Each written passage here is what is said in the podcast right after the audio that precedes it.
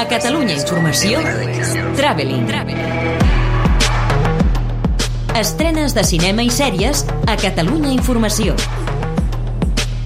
Traveling. Amb Marc Garriga. Preparada. Voy a averiguar qué le pasa a su hijo.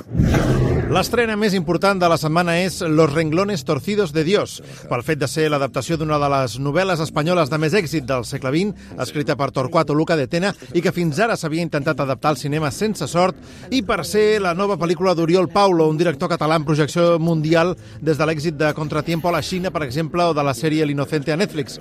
El film, igual com la novel·la, més enllà del thriller a l'estil Shutter Island, tenia un propòsit clar, ens ho explicaven al Festival de Sant Sebastià, amb aquest bon humor, el mateix Paulo i el coprotagonista, l'actor Eduard Fernández. Home, jo crec que sobretot hi ha una reflexió, no? que és el, el, la fina línia, no? que a vegades separa el que és la, la bogeria de la lucidez. Me está diciendo que estoy loco.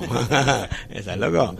Que lo difícil em sembla a mi és, és ser, estar subjecte al gènere sense trair per res el personatge, mai. Eh, en aquest sentit, el joc amb la Bàrbara és que era mínim. Era, era molt d'això que estem fent ara, ens estem mirant ara l'entrevistador i jo en aquest moment. Era molt això que estem fent tu i jo ara, no? Que, que et mires i estàs, t'estàs xequejant fins a quin punt sí, fins a quin punt no, qui guanya, després era un joc de poder. La protagonista és Bàrbara Leni, que és qui més juga entre les fronteres de la bogeria i el seny. Una actuació fantàstica, com sempre, que salva un film una mica trampós, però efectiu i efectista. Buenos días. Este es mi hijo, Raúl.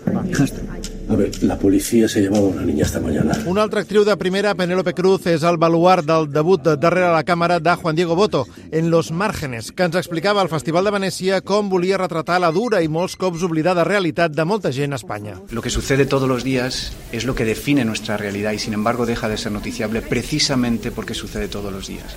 Hay decenas de miles de familias que están lidiando con esto todos los días, con una situación de profunda crisis económica o están a punto de perder su vivienda y eso es algo que sigue pasando. Y lo que nos pasó es que cuando lo conocimos, cuando pasamos tiempo con ellas, cuando pasamos tiempo con ellos, teníamos que contar, sentíamos que teníamos que contar esa historia. Cruz i Luis Tossar són els protagonistes d'aquestes històries entrellaçades de desnonaments, immigració marginada, relacions familiars trencades, pobresa injusta... Una pel·lícula incòmoda, però honesta i sincera, malgrat que no acaba de funcionar del tot. I have something that's planned, and I need a partner in crime. The B67 TV tower. També arriba als cinemes l'adrenalítica Fall, un thriller sobre unes noies que escalen una torre de comunicacions abandonada i tots els riscos que això comporta. Una trama segurament oblidable, però que atrapa mentre dura. Un entreteniment fantàstic per desconnectar una estona. Completen la cartellera la comèdia francesa Balla amb la vida, remake de la britànica Ballant la vida, sobre com el ball serveix de via d'escapament davant les adversitats de la vida. I l'entretinguda comèdia El Vasco. I també dues cintes d'animació. La russa Operación Bebé Oso, irregular, i la xinesa Parque Salvaje, molt més elaborada. When he was a little boy, we used to play a game at the fabric shop in town. He'd go off and hide in all the big A plataformes arriba directament Nitram, a Movistar Plus, Filmin i altres. Sorprèn perquè es tracta d'una sòlida pel·lícula premiada a Canes, amb el Premi a millor actor per Caleb Landry Jones, que interpreta un assassí en sèrie just abans de ser-ho, és a dir, que intenta desxifrar què pot portar algú a cometre un crim d'aquesta magnitud quan, tot i que es tractava d'un noi inquietant i diferent, mai ningú hagués pensat que seria capaç d'una cosa així. Premiada a Sitges també l'any passat, és més un thriller psicològic que no pas una cinta de terror explícit. El terror hi és, latent, però no es mostra mai, és molt interessant, igual com Despidiendo a Young, que arriba a Amazon Prime el dia 8, una petita història sobre la relació entre l'home i la intel·ligència artificial, una delicatessen del director de culte Cogonada amb una escena de ball memorable.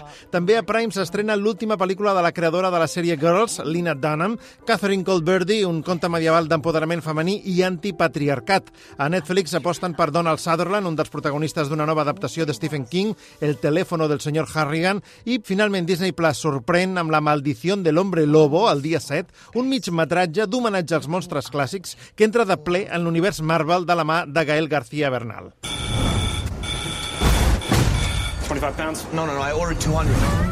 Pel que fa a les sèries, també és Disney Plus la que destaca aquesta setmana, en primer lloc per The Bear, que arriba amb l'aureola de ser una de les sèries més interessants de l'any i que explica el procés d'adaptació d'un xef d'alta cuina a la botiga familiar d'entrepans. Una producció simpàtica, amable, divertida, emocionant i que t'obrirà la gana, sens dubte. I la segona de Disney Plus arriba el dia 12 i és Candy, Asesinato en Texas, un altre true crime ficcionat, en aquest cas el de l'assassina Candy Montgomery, però amb el plus de comptar amb Jessica Biel i Melanie Polanski en el repartiment. Per acabar, Netflix torna a confiar en Mike Flanagan, que ja va sorprendre l'any passat amb Missa de Medianoche, i porta El Club de la Medianoche, que no té res a veure amb l'altre. Aquí són uns joves pacients eh, terminals que viuen en un hospici que es reuneixen a mitjanit per explicar històries de por. Mentre que Movistar Plus es decanta per la docusèrie Los Ocho de Irak, que s'estrena el dia 10 i que explica l'atac més bèstia als serveis secrets espanyols que va ser a l'Iraq el 2003. Traveling. Estrenes de cinema i sèries a Catalunya Informació, amb Marc Garriga. Time to try the new sandwiches. Yo, this shit looks different. What do you think? It's redundant and white, just like you.